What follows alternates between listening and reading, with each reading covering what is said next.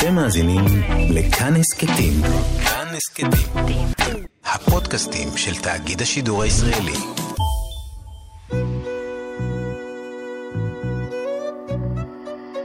ליסה פרץ משוחחת. שלום לכם מאזיני ומאזינות כאן תרבות. באולפן את זה, ואני משוחחת עם אנשי ונשות תרבות על החיים והיצירה. עורכת התוכנית ענת שרון בלייס, והיום האורחת שלי היא מעצבת האופנה סיביל גולד פיינר.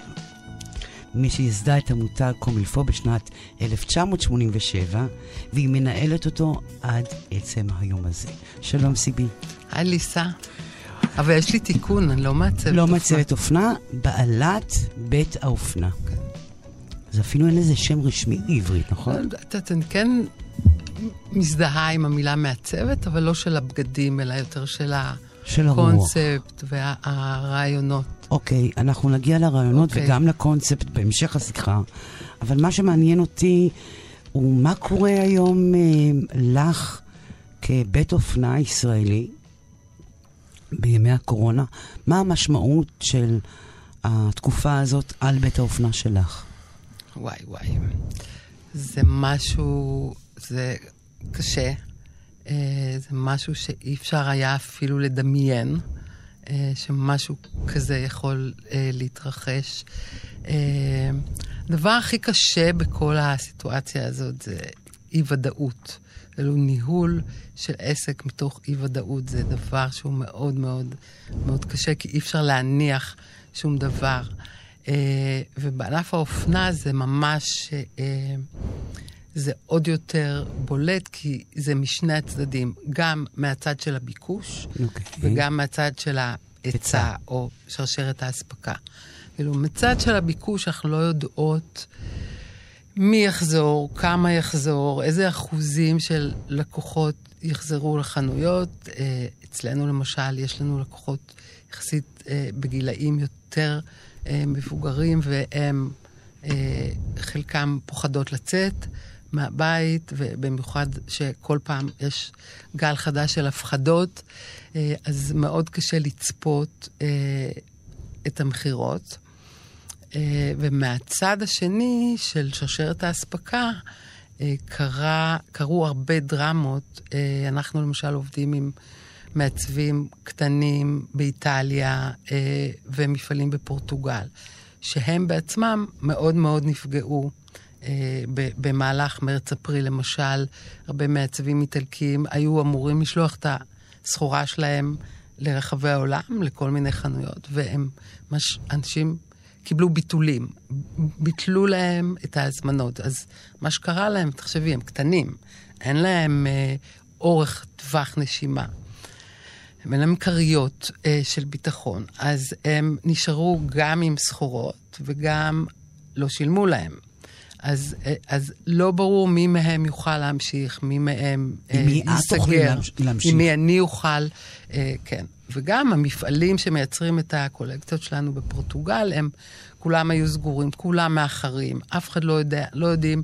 בדרך כלל אה, אנחנו מכניסים אה, קולקציית חורף בסוף יולי, תחילת אוגוסט, אנחנו לא יודעים מתי נוכל להכניס אותה, אה, כי כולם מאחרים. וצריך להבין שזה שיבוש נורא גדול בבתי אופנה, כשהקולקציות לא נכנסות בזמן, נכון. כי נשארים עם המון המון בגדים מהעונה הקודמת, נכון. ואנשים לא מתארגנים גם בעבודה, כן? לא מתארגנים לקראת הקולקציה הבאה, העונה הבאה, סליחה, ונשארים באיזה מין לימבו כזה. נכון.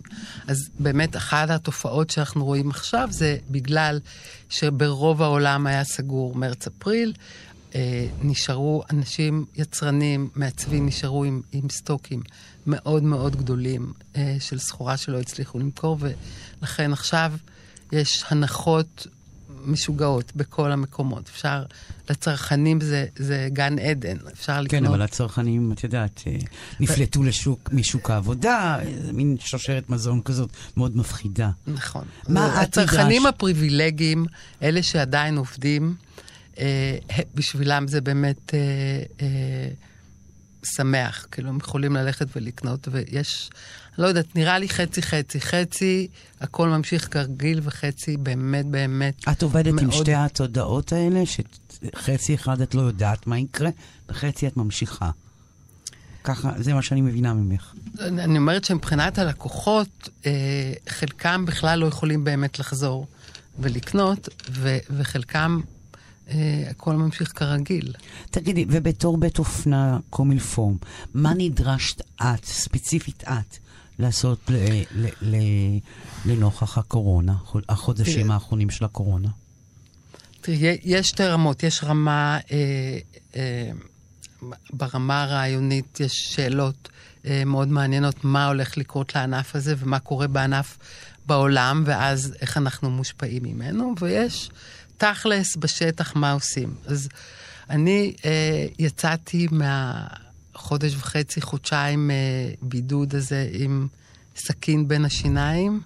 אה, סגרתי שלוש חנויות אה, מיד. אה, סגרתי את המחסן המרכזי שלנו בדרום העיר, אה, ועשיתי מהלכים אה, מאוד מאוד אה, מיידיים כדי לשרוד, להמשיך לשרוד. אה, ו- והאמת, ושאני מקווה באמת שנצליח לעשות את זה, אבל זה ממש לא ברור. שום דבר לא מובן מאליו. אה, והשלוש החנויות האלה, מתוך כמה חנויות שיש לקומילפורם? מתוך אה, שמונה חנויות, סגרנו שלוש, ועכשיו נשארנו עם חמש. אבל זה אומר שעם החמש צריך לדייק אותם, צריך לזקק אותם, צריך למצוא אה, תכנים חדשים. תסביר לי מה, מה באמת עכשיו, מהחמש חנויות האלה ואילך, מה, מה את רוצה לעשות עם זה? אמ, קודם כל, כמובן, נשארו האנשים היותר טובים, אה, שיודעים לעשות יותר טוב את העבודה. אה, כלומר, אה, אנשים שנמצאים הרבה זמן בחברה, מכירות טוב את הלקוחות, יכולות לעבוד איתם באופן יותר אישי. ו, ומבחינת, כאילו, מה, באמת השאלה, מה, מה מביאים? מה, מה יהיו הקולקציות הבאות? מה יהיו התכנים? יש, כאילו, הר, יש הרבה שינויים ב, מבחינת הקשר עם הלקוחות. נשים שיושבות בבית, אה, ואת יודעת, כי אה, התארחת באיזה אה, אחת מהפגישות האלה, אבל כאילו, יש, אה, אנחנו נותנים להם תכנים אה, דרך זום, אנחנו אה, עובדים יותר על תוכן שהוא קשור, לא ממש אופנה, אלא דברים שקשורים. לחיים. מעבר מנסים, כן, מנסים, אה, מנסים להדק את הקשר ולבנות איזושהי קהילה של הלקוחות שלנו. ואת זה למדת עכשיו בקורונה, שזה הדבר ההכרחי שאת צריכה לעשות? זה תמיד היה ברקע בקומילפו, תמיד הייתה איזשהו סוג של קהילה ולקוחות שהן הן, אה, נאמנות וחוזרות, אה, אבל זה מאוד הדגיש את הצורך הזה בגלל שהן לא באות הרבה לחנויות, ובגלל שאנחנו רוצות לשמור את הקשר איתם כדי שכשהם יבואו, הם, הם יזכרו לבוא אלינו.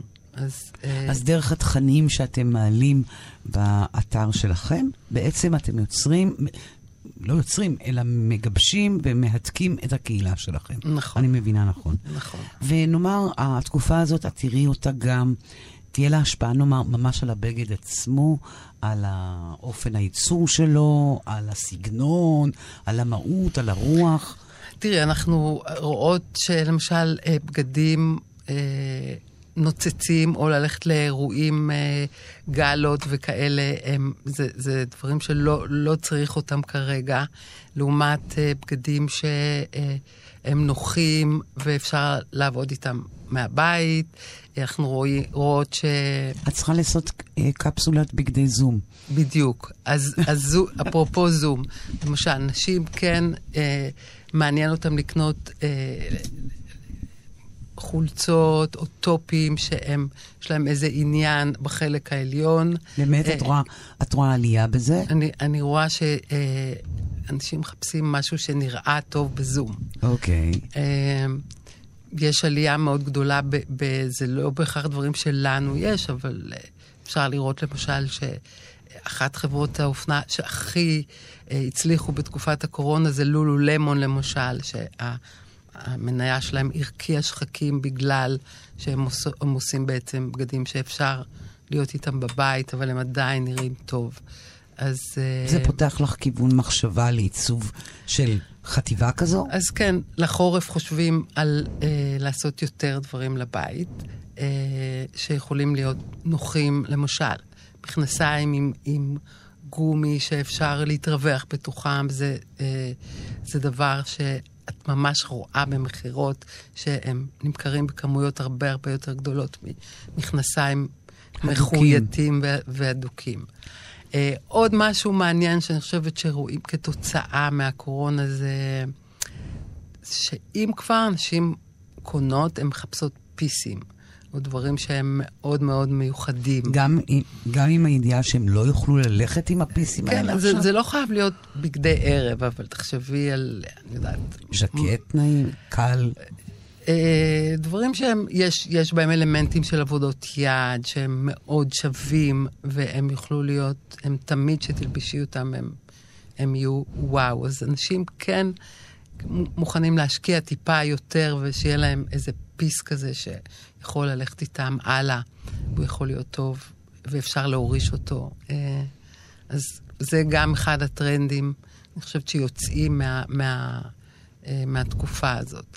ו, ופחות אה, בגדים שאפשר, את יודעת, פחות fast fashion, פחות בגדים שאפשר ללבוש אותם פעם, פעמיים. וזהו, ואז הם שוכבים בארון. כן. מה עשית לפני 33 שנה, לפני שהקמת את בית האופנה? במה עסקת? אה, אני באה מעולם הפרסום. עבדתי במשרדי פרסום. אה, היה אז פוגל והיה גיטם, זה דברים שלא לא יודעת אם הם קיימים אפילו היום. פוגל לא קיים בטוח. פוגל לא, אבל נדמה לי שגיטם. גיטם קוראים לו משהו אחר, BBDO, או משהו כזה. שם פגשתי אה, איזה ארט דירקטור אה, שקוראים לו דני זקהיים, זיכרונו לברכה. אחיה של השחקנית אסתר, אסתי זקהיים. אסתי זקהיים, ומה שקרה עצוב זה שלפני שבוע נפטר רוני זעקיים, שהוא האח הגדול, האח הגדול שלהם. כן. כאילו, אסתי עכשיו, אין לה, אין לה אחים יותר. אז פגשת את דני. אז, אז פגשתי את דני, והפכנו להיות, אה, הוא הפך להיות חבר, חברה הכי טובה שלי כזה, ו, והוא בעצם אה, התחתן עם קרול גודין, היא עשה יבוא של אה, אה, קרול מקנדה, הוא למד שם אומנות. ו... וקרול ואני פתחנו ביחד את קומילפוק, שדני עשה לנו את הלוגו וליווה אותנו בכל הדרך למה בהתחלה. למה נטשת את עולם הפרסום?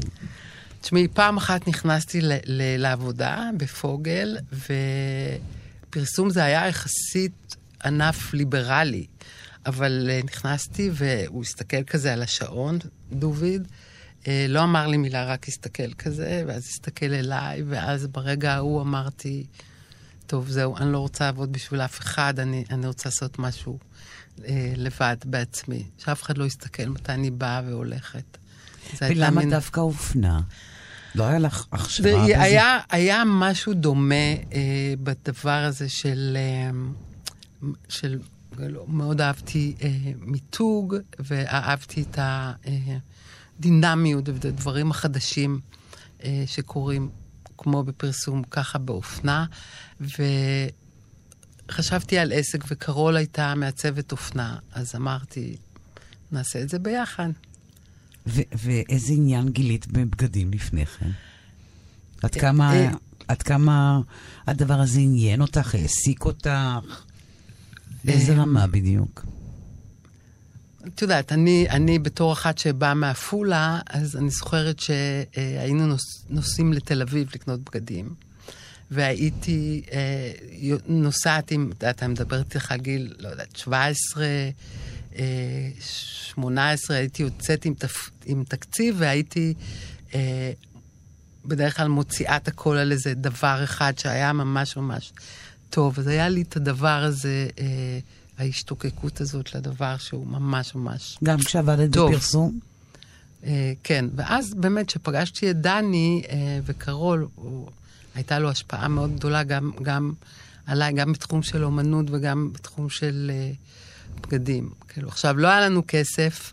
קרול, uh, נסענו, אני זוכרת, לשוק ברמלה, קנינו בד של מפה בבטח חמש לירות, או, או זה, והיא תפרה, את יודעת, יצא, היא, תפרה מזה לשלושתנו, זה ז'קט פרחוני כזה, אבל מחויית, מבד של מפת אה, אה, פשטן, אה, מפת שולחן, אה, והיינו הולכים שלושתנו ברחובות כזה עם, עם, עם אותו בגד, ו, ואז הבנתי איך היא מוציאה מבד הכי פושטיש בעולם, בגד שנראה מדהים, קומילפו.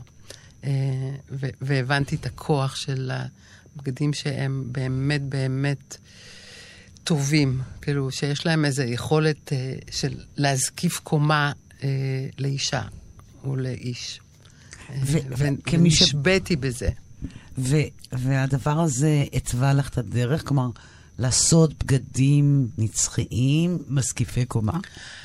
תשמעי, זה מה שקרול ידעה לעשות. כאילו, קרול, אה, את יודעת, עם אלה שאימא שלה הכריחה אותה ללכת לבית ספר עם קרינולינות. כאילו, היא הייתה יוצאת מה, מה, מהסיפורים שלה, היא הייתה יוצאת מהבית ומורידה את הקרינולינות ונשארת עם בגדים רגילים. אז כאילו, היא מאוד באה עם הדבר הזה, אה, ואני למדתי מאוד אה, לאהוב את זה ולהעריך את זה. קומילפו מזוהה המון המון שנים כ, כבית אופנה עם ערך מוסף בו. ותכף נדבר על העניין של ערך המוסף האופנתי. ערך uh, מוסף תרבותי ופוליטי. כלומר, זה משהו שאני לא יודעת אם הוא היה בשנים הראשונות, אבל לאורך השנים הוא, הוא גובש והתעצב כבית אופנה עם... Uh, עם אה, סלוגנים ומודעות פמיניסטית, סלאש פוליטית, שמאלנית, אה, מאוד מודעת לסביבה, למקום שבו אנחנו חיים. ואני שואלת את עצמי, מתי זה התחיל, או שזה התחיל מתחילת הדרך. Uh, אני התחלתי את קומילפו כשהייתי בת 30, ולא לא הייתי פמיניסטית. כאילו, לא יודעת, באתי, לא, לא, לא בדיוק ידעתי אה, מה זה, אה, ובהתחלה עשינו בגדים ל... רגע. כן, תתקרבי. כן. חשבנו שאנחנו הולכות לעשות בגדים לנשות קריירה, מה שקראנו אז. אה, ואז התברר שהן הולכות לעבודה עם טישרט. אה, והבגדים האלה, אה, נשים השתמשו בהם דווקא לצאת ולאירועים ודברים מהסוג הזה. אמ, אני חושבת שהעבודה, בגלל שבהתחלה שתינו באמת פתחנו את העסק בלי השקעה ובלי כלום, לקחנו 3,000 שקל הלוואה ממשרד הקליטה, כי קרול הייתה עולה חדשה. אז את יודעת, עבדתי על הרצפה והלבשתי הרבה נשים.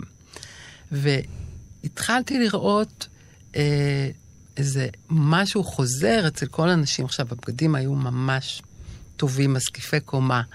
אה, ואני רואה שהאנשים שלובשות את הבגדים, שהיו בסביבות גילנו אז, אה, כל אחת מסתכלת במראה ואומרת, זה יפה, אבל יש לי איזה משהו, אה, המותן שלי לא מספיק, יש לי משהו מאחורי הברך, יש לי משהו, אף אחת לא ממש אוהבת את עצמה במראה, וזה היה אה, מין תובנה כזאת שהתפתחה מתוך זה שראיתי הרבה נשים מול המראה.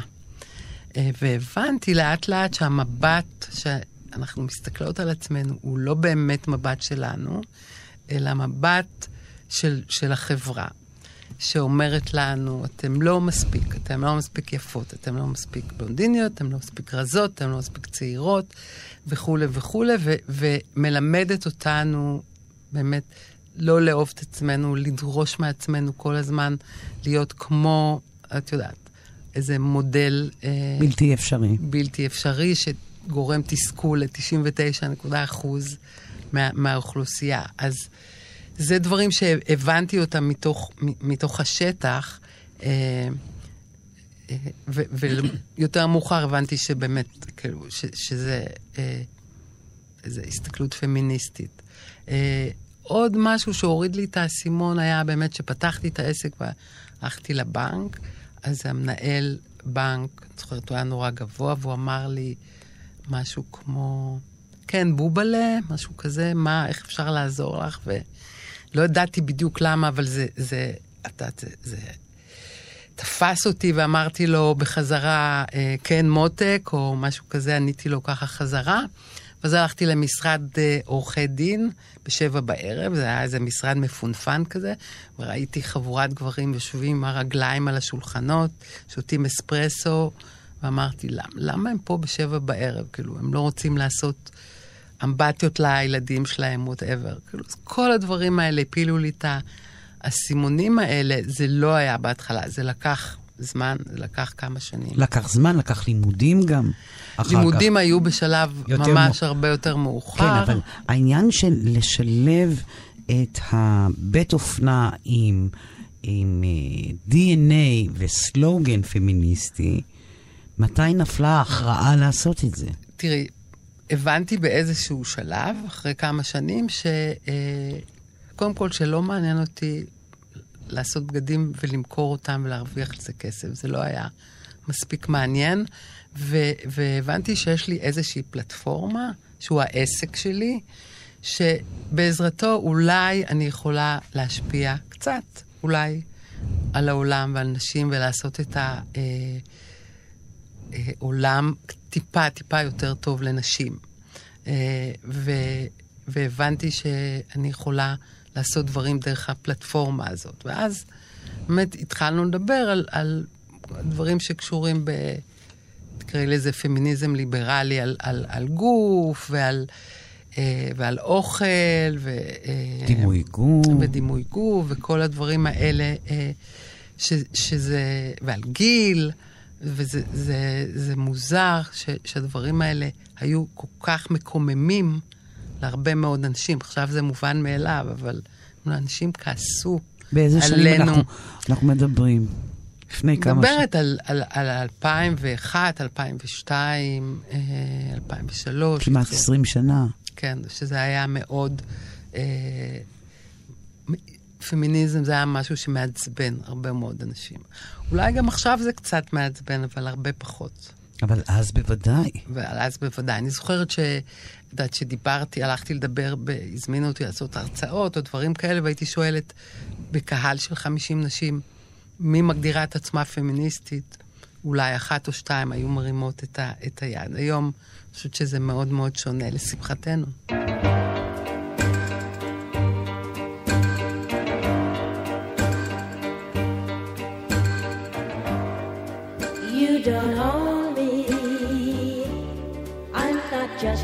Your many toys. You don't own me. Don't say I can't go with other boys.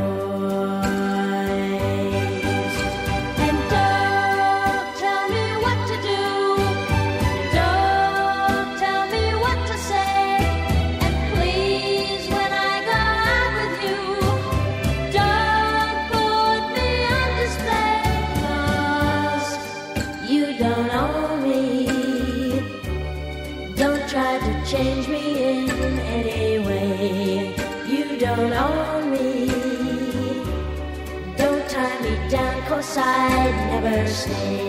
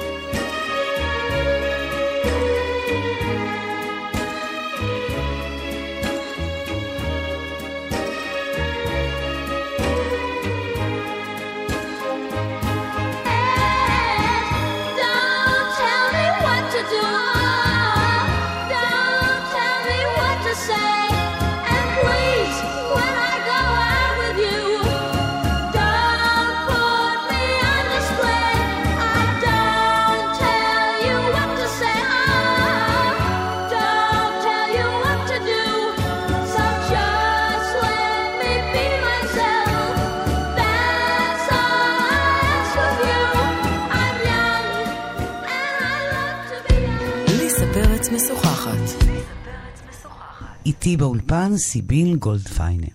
לפני עשרים שנה לא חשש שהמיתוג הזה, המיתוג הפמיניסטי המובהק, ירחיק ממך לקוחות, ירתיע מלגשת אליכם, יסגור אתכם באיזשהו מועדון סגור לנשים שמודעות בלבד. לא חשש י- שמיתוג כזה הוא יכול להיות גם בעייתי, ואני אני אקשה עלייך ואני אפילו אשאל אם מיתוג כזה הוא לא כמעט הפוך מאופנה. כלומר שאופנה היא איזשהו משהו שמבטא הלכי רוח, אבל הוא לא מדברר את הלכי הרוח. כלומר באופן ליטרלי. תראי, זה, זה, זה היה מאוד מאתגר ב, לדבר מתוך ענף האופנה על, על, על אנטי-אופנה בעצם. כאילו, ענף האופנה אז אה, העמיד לנו מודלים מאוד מסוימים של נשים. היום יש הרבה יותר מגוון, אבל אז זה היה בדיוק הדוגמנית במידות הנכונות. זה, זה היה להיות בתוך הענף ולדבר... אה, נגדו. נגדו בעצם, שזה משהו שהוא חביב עליי באופן אישי. כלומר, אה, להיות בתוך מערכת ולהתנגד לה? כן, להסתכל על העולם באיזושהי ביקורת ולשאול שאלות ו, אה, ולא לקבל את הדברים כמובן מאליו ו, ו, ולא להשתתף במשחק הזה שהוא רע לנשים, שהוא גורם לנשים אה, להרגיש לא טוב עם עצמם. אה, גורם לנשים בכלל, אופנה, ו- ויותר מאוחר, הנושא הזה של, של fast fashion, של לקנות הרבה, מאוד מערער את המקום שלנו כנשים, כי אנחנו כבר לא יודעות אם זה באופנה, אם זה לא באופנה, אם אפשר יהיה ללבוש את זה בשנה הבאה, או אי אפשר יהיה, אז כאילו, אם זה מתאים לי, אם זה לא מתאים לי, ארוך או קצר, וכל הדברים האלה אה, הם, הם דברים שערערו נשים. נועדו לערער, כן, נשים, ו- ואני רציתי לחזק אותם, לעשות משהו הפוך. אבל לא פחדת, שוב פעם אשאל, אם זה ירתיע. יש משהו בלפתוח עסק, אה, שהוא הוא, הוא דבר שכרוך לקחת סיכונים. אה, והבנתי שפחד זה משהו שהוא קיים, אבל אני לומדת, למדתי אה, לגלגל אותו רגע לאיזה כדור, לשים אותו בצד ולעשות את הדברים למרות זאת. עכשיו, ידעתי גם, בגלל שבאתי מעולם פרסום. הפרסום ו- ומיתוג, ודרך אגב, גם עשיתי לבד כל המיתוג וה branding של קומילפו, עשיתי לבד, לא, לא לקחתי משרד פרסום, כי יד, ידעתי אה, שהדברים האלה הם, בגלל שלא היה לנו כסף לעשות קמפיינים ודברים כאלה, ידעתי שהמהלכים שה, האלה הם... ישימו אותנו באיזה מקום מבודל. והרי אחד הדברים שכל המותגים רוצים, זה להיות מבודלים. זה למצוא את הבידול את שלהם. הייחוד, את את הבידול. הייחוד שלהם. ואת, ו- ואת נאחז בדבר הזה כדי לבדל את בית האופנה שלך. זה, זה היה, זה היה באותו זמן, גם באמת רציתי לעשות איזה מעשה בעולם, אה, במקום, את יודעת, אה, אה, ולא רק שיהיה לי חנות בגדים, זה לא נשמע לי אה, משהו שהיה מעניין. אה, וגם ידעתי באותו זמן, בכובע השני שלי של השיווק, שזה באמת עושה דבר טוב לעסק, כי אנשים יותר שומעים עליו ויותר יודעים עליו, בלי שאני אצטרך לעשות פוסטר מידיה על איילון. אני אז זה מסכימה שימש איתך. אותי בשני המובנים. אני מסכימה איתך ואפילו עומדת מאחורי ההחלטות האלה יחד איתך, אבל בואי בכנות תסבירי לי איפה זה כן פגע. לאורך השנים, אה, שאת מסתכלת מאחורייך 33 שנה, איפה את חושבת שהמיתוג הזה אולי כן החמיץ? כי אני יודעת איפה, איפה הוא כן שיחק אותה, המיתוג. תראי, למשל, אה, קודם כל, המודל הזה של עסק שעושה גם לטובת הקהילה. חברה, אה, נתקל במקרה של קומילפו אה, בציניות ובחשדנות, בגלל שהבגדים הם יקרים. יקרים. ואנשים חשבו שאם אנחנו פמיניסטיות, אז אנחנו צריכות לעשות בגדים שכולם יכולות לעמוד, אה, אה, כולם יכולות לקנות אותם. זה היה, היה שם איזה דיסוננס שבאמת אני עד היום לא יודעת לפתור.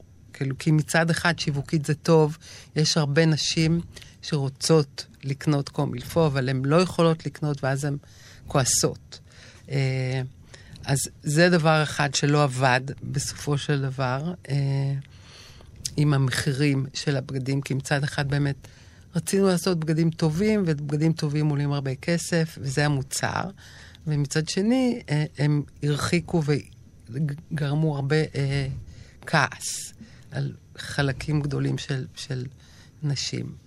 אה, למשל, שם, שם היה, הייתה איזו אה, בעיה. אה, ואני חושבת גם המחשבה על אה,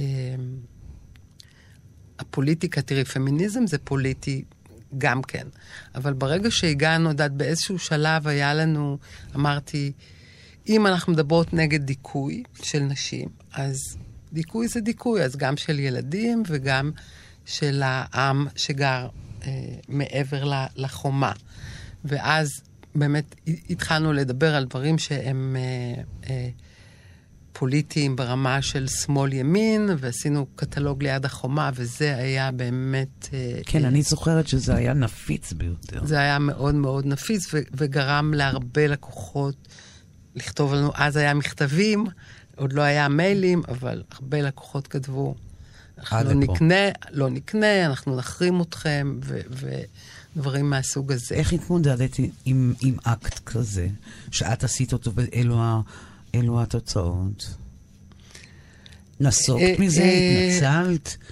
עמדת מאחורי זה? לא, את יודעת, אמרתי, זה, זה, זה, זה חשוב, אה, אני, אני ממשיכה עם זה, והלקוחות שכן זה מדבר אליהם, זה יותר, זה מגבש יותר את הקהל, למרות שהוא יותר מצומצם, אבל הוא אולי יותר מחויב, יותר, יותר, זה יותר מדבר אליו.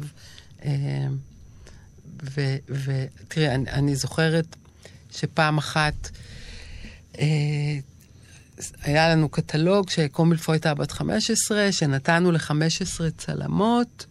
אה, אמרנו, כל אחת צלמי מה שאת רוצה. נתנו לה בגד ותגידי מה קומילפו בשבילך. והייתה צלמת אחת אה, שצילמה אה, אישה שמחזיקה את היד של נשים בשחור, שכתוב עליה די לכיבוש. אה, אני זוכרת שזה היה חודש מאי והייתה קולקציית קיץ, ואז הייתה, אה, הייתה לנו לקוחה שהייתה חברת כנסת, נעמי בלומנטל, והיא יצאה לתקשורת ואמרה, תחרימו אותם, הכסף שלהם הולך למחבלים ודברים כאלה, וקיבלנו PR מאוד מאוד גדול יחסית למה ש, יודעת, מה שאנחנו יכולנו לעשות. אני זוכרת שזה היה החודש הכי גדול מבחינת מכירות שהיה עד אז אי פעם. ברצינות. אז, כן. המחאה של נעמי בלומנטל. כן. יאללה. זה הביא אבל לא נשים נבעלת, אחרות. כי יש גם תגובות נורא קשות לזה. מזה לא נבהלת. אה, לא, המשכתי, המשכתי הלאה, וחשבתי אה, שזה האמת שלי, ו... ו... יודעת, זה, זה קשור גם לגיל, אולי עכשיו הייתי חושבת, אה, עכשיו בכלל זה היה בלתי אפשרי. זהו, שבאת... זה היה גומר אותנו לגמרי. באטמוספירה הנוכחית, אני שואלת את עצמי אם הייתי יכולה בכלל לעשות את הקמפיינים האלה. האטמוספירה הנוכחית היא, היא את יודעת, בדמיון הכי דמיוני שלנו, אי אפשר לחשוב שנגיע ל, ל, כן, אבל אני אומרת לעצמי, האם אה, סיביל הייתה עושה את הקמפיינים האלה עכשיו? ואני רוצה להאמין שכן, שכן היית עושה כן. את זה. בגלל כן. ההיסטוריה שלך. נכון, גם אני, גם אני אה, רוצה להאמין שכן. אה, אבל את יודעת, השאלות האלה, מה היה אילו, אה, קשה נורא, לענות להם. נורא שמחתי עכשיו שהודית שלא פתרת את הדיסוננס הזה. של בין התגובות של למה אתן כל כך יקרות, לבין העובדה שאתן פועלות למען קהילת נשים. נכון. כלומר, 33 שנה ועדיין לא פתרת את הדבר הזה. היו לך פתרונות בראש כאלה אה, על הנייר, שחשבת שאולי אפשר לפתור אותם?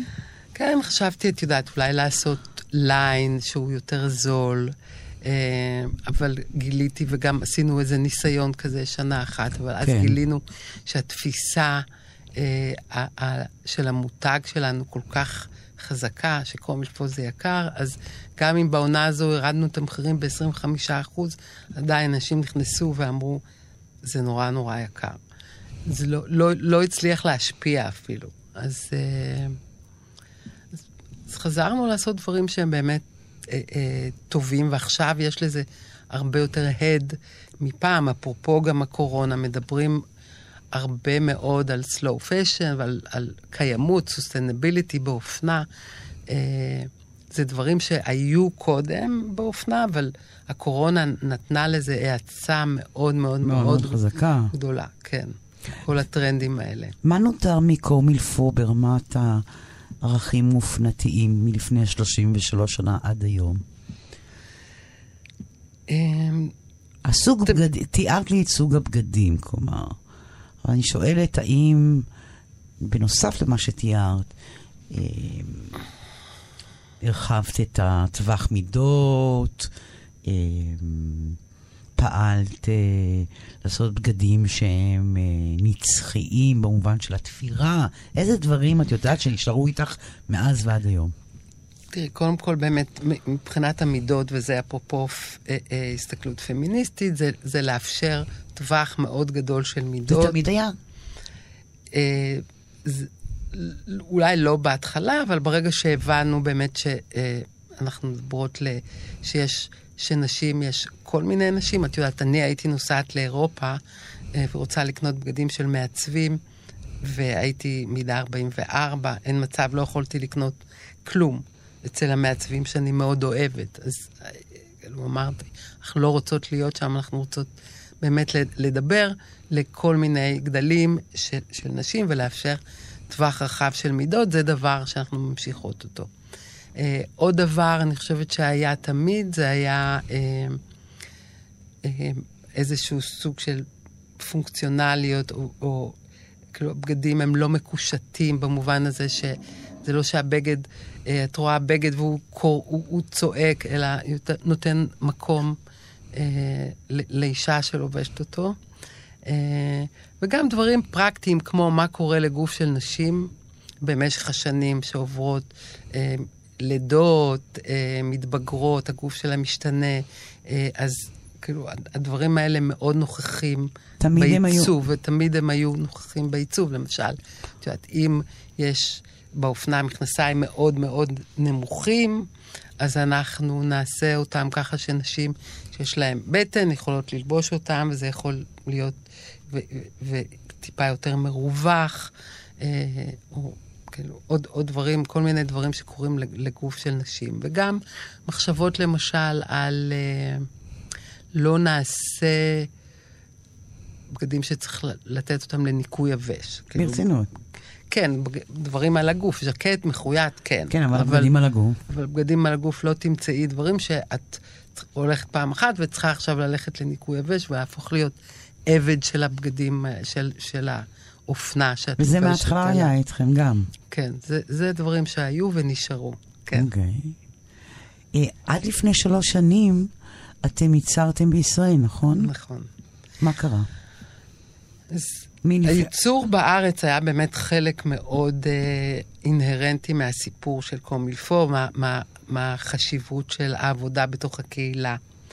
אה, ולתת עבודה בתוך הקהילה. דווקא בגלל שהענף שלנו אה, התחיל לעבור, בארצות הברית, אה, אולי 99 אחוז מהאופנה מיוצרת במדינות רחוקות, ובטח אותו דבר באירופה, וגם אצלנו בארץ. אה, ובגלל זה היה לנו חשוב כל הזמן להחזיק את הייצור פה, מקומי. אה, מקומי, אני מתכוונת גם בארץ וגם אה, אצל השכנים שלנו, הפלסט, הפלסטינים.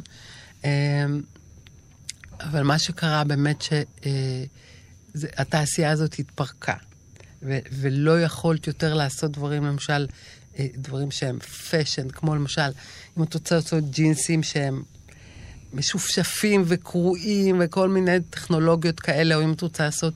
כן. אה, אה, סריגים מאוד מאוד דקים ועדינים. אין טכנולוגיות כאלה יותר בארץ, ולכן מי שמייצר בארץ, הרבה פעמים זה נראה נורא נורא דומה אותו דבר. אה, כי מאוד מוגבל מה שיש פה, גם מבחינת בדים וגם מבחינת הציוד. ולכן בעצם מה שהיינו צריכים לעשות זה לבנות את העסק לגמרי לגמרי מחדש. כאילו, כי... מה, מה המשמעות של לבנות עסק מחדש? זה אומר, אם היה לנו אלף מטר אה, בדרום העיר, ובו גזרו ותפרו ו, אה, ומדדו, וכן טוב ולא טוב, אה, הכל הופך להיות אה, במחשב, הכל הופך להיות אה, בסקיצות שאת מעבירה למפעלים בחו"ל, ואת מקבלת חזרה דגמים למדידה, את נותנת הערות, אה, את בוחרת בדים, אה, והכל בעצם מיוצר אה, מחוץ אה, לכאן. מחוץ, מחוץ לכאן. אנחנו מצאנו את פורטוגל כמו מקום מתאים, גם כי זה קרוב, זה לא ממש רחוק, וגם כי אפשר לייצר שם בכמויות קטנות, ולא, לא, כי אנחנו מייצרים מעט מכל דגם, וגם כי יש להם אה, אה, ידע ויכולת אה, אה, ב- ב- במחויית. אה, בתרבות בעצם, שלהם, כן. בתרבות שלהם, וגם כי המפעלים שם הם באמת מפעלים קטנים ומשפחתיים. את יודעת שההעסקה היא הוגנת, את רואה את האנשים שעובדים במפעלים, את יודעת שהם מקבלים שכר הוגן. אז זה דברים שהיו מאוד חשובים לנו כשעשינו את המעבר. והמעבר הזה גרם לך באופן אישי לצער, שנאלצת בעצם לסגור את העשייה כאן שלך פה. תראה, אני עדיין שומרת על אה, משהו כמו 20 אחוז מהייצור כאן בארץ. יש לנו מתפרה שאנחנו עובדים איתה עד 25 שנה, אה, ו... ואני כן מנסה להמשיך מה שאפשר לייצר פה. אבל זה, זה, את יודעת, זה אחד הדברים בעסק, שאת... צער זה משהו שהוא, אני אומרת, אוקיי, זה עצוב, אבל זה מה שצריך לעשות, ולכן צריך לעשות את זה בשביל שהעסק ימשיך להיות עסק שהוא טוב. אז אה, זה המצב, צריך לעשות את זה, ו... וזהו. ועשינו את זה, כלומר, וזהו. זה, זה, זה, זה המוח הקר האנליטי הגברי שלך. לא, תשמעי, אה, הביזנס וומן. אה, עסק, כדי שהוא ישרוד, הוא צריך להרוויח. אה, והשאלה איך, איך באמת גורמים לעסק אה, להרוויח ולהמשיך קדימה ולהתפתח. מה לדעתך עזר לו להתקיים במשך 33 וואו. שנה? איך הוא שרד כל כך הרבה שנים? תראי, אנחנו חייבים גם לומר ולציין שהמון בתי אופנה ישראלים בכל השנים האלה, ב-33 שנה האחרונות, באמת נעלמו, צצו חדשים, גם נעלמו.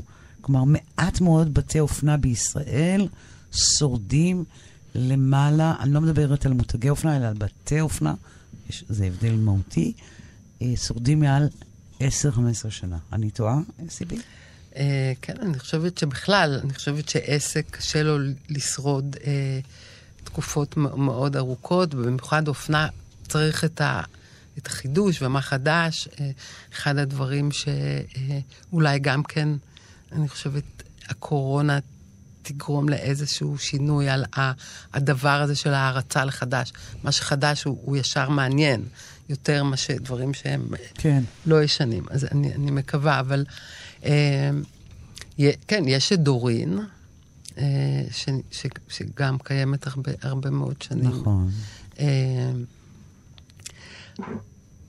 ואין, יש אולי את, את הגרה שהפכה להיות הגרה אלנביקה. כן, אבל שקיבלה נכון, כמה פנים, נכון. ו- אבל עדיין מדובר נכון, באותו אבל אדם. עדיין זה היא, כן. אז אני שואלת מעניין, אותך, עצו- אני חושבת שאחד הדברים אה, ש... מה אה, כוח הישרדות- הישרדותכם? שאני אני חושבת שהאיכות אה, הייתה הדבר שהיה באמת עקבי לאורך כל הדרך, אה, ו, והשירות שידענו לבנות מ, מ, מ, ממש ממש מההתחלה, כאילו ל, להגיד, את לשמוע את הלקוחות, לא להתווכח איתם, לנסות באמת אה, להוציא כל לקוחה מרוצה מעצמה. אני חושבת שזאת הייתה התשתית. אה, אני חושבת שהיום קוראים לזה אה, Relationship Marketing, אה, אבל אז לא ידענו את השם של זה, אבל הבנו שבאמת אה, אה, הלקוחות זה הדבר ש... אה, ייתן לנו לחיות, והאמת ש, ש, שזה בדיוק הדבר עכשיו, שגם אנחנו אומרות אותו, כאילו, לשרוד אה, בתוך הדבר הזה, זה באמת, זה רק אם הלקוחות יצביעו וימשיכו לבוא ולקנות. אחרת באמת... אה, כשאתם מקבלים זה עובדות קשה. אה, חדשות, אתם, את הדברים האלה, אתם מלמדים אותם? יש לכם ממש DNA שאתם מלמדים את זה? יש לנו קוד אתי, שכל עובדת חדשה מקבלת לקרוא איזושהי חוברת, אה, ובה כתוב, כאילו, יש איזה עשרה או 12 סעיפים, אה, ובה, כן, אה, שאנחנו רוצות אה, אפס אחוז לקוחות מאוכזבות בעצם. אפס? כן, אחוז? כן. אוקיי. זו משימה מאוד מאוד קשה, כן, את אבל יודעת. יודעת, אם, אם uh, יש משהו, את יודעת, לא אגיד שזה אפס, אבל אני חושבת שאנחנו קרובות, קרובות לשם. אנחנו מנסות לפתור באמת כל איזה אה, אי שביעות רצון. אה, עד כמה כן. את נוכחת בחנויות שלך? אה, אני נוסעת לבקר, אה, אני נוסעת לבקר, אה, יש לי איזה יום, יומיים בשבוע, שאני כאילו נוסעת אה, כל פעם לחנות אחרת, אה, והאמת שזה באמת באמת מעניין, לפגוש את הלקוחות ולשמוע אה, מה, מה שיש להם להגיד. הרבה פעמים זה דברים טובים, הרבה פעמים זה ביקורת, הרבה פעמים זה... למה אתם עושות ככה ולא אחרת, אבל זה, זה בעצם, אני תמיד תמיד חשבתי שהכי הרבה אפשר ללמוד מ- מהרצפת המכירה. כלומר, אני עדיין חושבת. מאח- מאחורי הקופה, לראות, לדבר עם הלקוחות, לראות אותם מודדות את הבגדים, לשמוע מה הן אומרות, זה, זה הדבר שהכי מלמד אה, מה, מה צריך תספרי לי לעשות מקרה, קד, באמת, קדימה. שבאמת אה, ראית מהצד, שלמדת לעמוד מהצד ולראות. אמ, תראי, למשל, אנחנו התחלנו, אה, היינו מאוד חזקות ב- במחוית. ז'קטים אה, עשויים כמו שצריך, ו... אה, אה, שהולכים איתם לעבודה והולכים איתם בערב. ו- וראיתי שלקוחות, ככל שעובר הזמן והן הן מתבגרות, הן פתאום לא רוצות את הז'קטים האלה. אה, חלק הזה קשור לאופנה, וחלק קשור ל, לעניין הזה של הן רוצות להרגיש יותר בנוח. הן רוצות, אה, הן רוצות להרגיש אה, שאפשר לזוז בתוך הבגדים. אה, ובאמת אני יכולה להגיד ש, שיש פחות ופחות מחויית בתוך הקולקציה, שזה כן נורא עצוב לי, כי אני חושבת שזה נורא יפה, אבל... אה, ו- ולמשל, הן אומרות ש- שהן מרגישות ש- אה, שזה מבגר אותם, למשל. אה, באמת? ש- כן, למשל. שזה, זה נראה נורא יפה על נשים צעירות, והן מרגישות פחות טוב בזה. אה, למשל, דוגמה אחת. אני יכולה אבל לספר לך משהו, אולי את יודעת את זה, אולי זה, בטוח הוא דבר שישמח אותך. אני מבקרת בהמון חנויות יד שנייה טובות בתל אביב, ואת יודעת מה הבגדים הכי יקרים, המותג הישראלי הכי יקר בחנויות היד שנייה בתל אביב? מה, יש Comme il faut בחנויות יד שנייה? וואלה. והם הבגדים הכי יקרים של המותגים הישראלים. כלומר, אתה נכנס, ואתה אומר, אוקיי, וואו, הנה פריט של Comme il faut, בטח זה יהיה ממש זול, זול, זול, זול. וזה הפריט הכי יקר בחנות. כך שזה מין איזה value ששומר על עצמו, גם כשזה מגיע כבר למחוזות אחרים לגמרי. כי הם אומרים, הנה, אתה קיבלת ז'קט מאוד איכותי, אתה לא תקבל את זה ב-200 שקלים ולא ב-300 יותר. כלומר, הvalue שלו והשם של המותג. אני חושבת שזה דבר שצריך לשמח אותך, לא? כן, משמח, כן. כי זה חיים אחרים לגמרי, נכון? כן, אתה... את חייבת לראות את זה פעם, במו עינייך. נכון, את תגידי לי אחרי זה לאן ללכת. אני אבל חושבת... את יודעת, כאילו, מדברים על זה שהשוק הזה של בגדים מיד שנייה, זה השוק ש... שזה שוק העתיד. זה שוק העתיד. כן. בוודאי אחרי החודשים האלה. כן. אבל גם בשוק היד שנייה זה הדבר הכי יקר, שזה הדבר הכי מצחיק שראיתי אי פעם. ליסה, את יודעת, דברים טובים עולים הרבה כסף, תמיד. ולא רק בבגדים. באוכל, ברהיטים. אבל גם כלכלית זה הכי שווה. בסופו של דבר, כי? אם את משתמשת, את יודעת, אני זוכרת שקניתי לפני, נשבעת לך, 30 שנה איזה... הייתי עם דני בפריז וקניתי כזה פלפליה, איך קוראים לזה? זה כן, ש... מטחנה. מטחנה כזאת של פלפל שעלה לי 120 דולר, וחשבו שאני, כאילו, את יודעת, בתור אישה לא עשירה באמת, כמו שעשיתי עם הבגדים, את יודעת, אהבתי לו, לקנות דברים פיסים. זה עדיין במטבח שלי, אחרי 30 ומשהו שנה, עובד כמו שצריך. אה. ו- וגורם הרבה הנאה, כאילו, עיצוב טוב. פשוט באמת, לנשמה זה, זה כיף. את לא קונה פאסט פלאש. לא. אני, אה, כאילו, אני אוהבת את הדברים שהם עשויים טוב, הם, הם באמת מביאים לי עונג אמיתי. כאילו, כי אתה אומר, אם אתה מכניס לפה אוכל איכותי, נכון? או יושב על כיסא איכותי, למה שהבגד לא יהיה איכותי? נכון. זה, וזה תודעה שנשות קומילפו למדו עם השנים, נכון? כן, את יודעת, אני זוכרת ממש עד היום שהייתה לנו לקוחה שבאה ממש ממש בהתחלה, אה, והיא אמרה שהם גדלו מאוד בצנעה, ואימא שלה אמרה לה, אין לנו כסף, את צריכה לקנות רק תמיד הכי טוב. כי זה יישאר מזדהה- לך. את מזדהה עם זה. אני מאוד מזדהה עם זה, כן. ומה ואני תלמד- גם נהנית מזה. ומה תלמדי עכשיו בעתיד את הלקוחות שלך? אני יודעת מה לימדת אותם, מה, מה העתיד צופן. אני חושבת שאנחנו מנסות לדבר באמת על, על uh, כל הנושאים של, של קיימות, uh, של החשיבות הזאת, של, של, uh, של אתיקה, גם יודעת לשאול. אני חושבת שהיום, זה מה שאני מנסה להגיד ל, ל, ל, לצרכניות, ללקוחות שלנו, שההחלטה של, של uh, לקוחות היום, באמת ההחלטה הכי משמעותית שלהם כדי להשפיע על העולם, לא רק על אה, קומילפו אלא בכלל, כן. זה איפה הן מוציאות את הכסף שלהם. איפה הן מחליטות, רוצות לקנות משהו, אם זה בבגדים או באוכל או בריהוט, איפה הן מחליטות לשים את הכסף. זאת אומרת, לשאול, לדעת לשאול ממי הן קונות, אה, לבדוק שזה באמת, אה, אה, הן יודעות אה, שהעסק הזה שהן קונות ממנו הוא, הוא, אה, הוא אתי, הוא מתנהל טוב, מתנהג טוב לעובדים שלו, לסביבה, אה, לכדור הארץ. אה, ו- וזאת ההשקעה באמת הכי טובה שהן יכולות לעשות מבחינה פוליטית, באמת. ואל תקנו מהגדולים. אל תקנו מהעסקים הגדולים האלה, כי אחד, הם יסתדרו גם בלעדיך, הם לא ישימו לב אם קניתם או לא.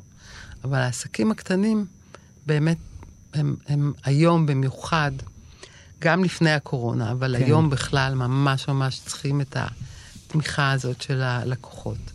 אה, אז זה נושא אחד אה, שאנחנו אה, מנסות עכשיו לדבר אותו עם הלקוחות.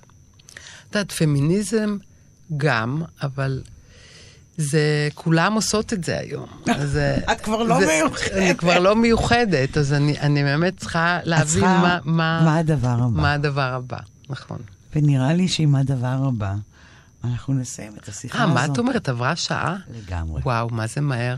רצית- היה כיף. רציתי להודות לך מעומק הלב, סיביל. תודה רבה. לך שהזמנת אותי, ליסה. תודה רבה. ביי. אני בשוק. אני צריכה לסיים רגע. אוקיי. עד כאן השיחה עם מעצבת האופנה סיביל גולדפיינר. באולפן ליסה פרץ עורכת התוכנית ענת שרון בלייס. אפשר להאזין לתוכנית שלי גם בעמוד ההסכתים של תאגיד השידור. תודה לכם ולהתראות.